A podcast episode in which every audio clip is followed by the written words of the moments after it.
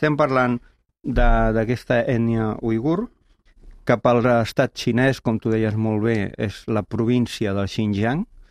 Estem parlant d'un territori de 1,6 milions de quilòmetres quadrats, És a dir, com Alemanya, Regne Unit, eh, l'estat eh, francès i l'estat espanyol, tots junts, tots junts. els quatre. Eh? Feu, feu una idea de...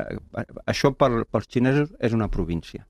Pels uigurs, lògicament, Està és, clar, la- és és la seva país. pàtria. No? I això que dèiem assenyala eh, quants viatgers hem tingut a, a, a les mans mapes mirant-nos aquest territori, no? Com travessar el desert del Taclamacan, jo recordo... Que diuen que si entres, qui, qui entra no en surt. Aquest, aquest és el nom literal del, del desert, no?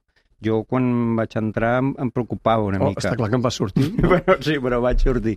Sí, vaig tenir la fortuna eh, de travessar-lo pel mig en una carretera que acabaven d'obrir pocs mesos abans.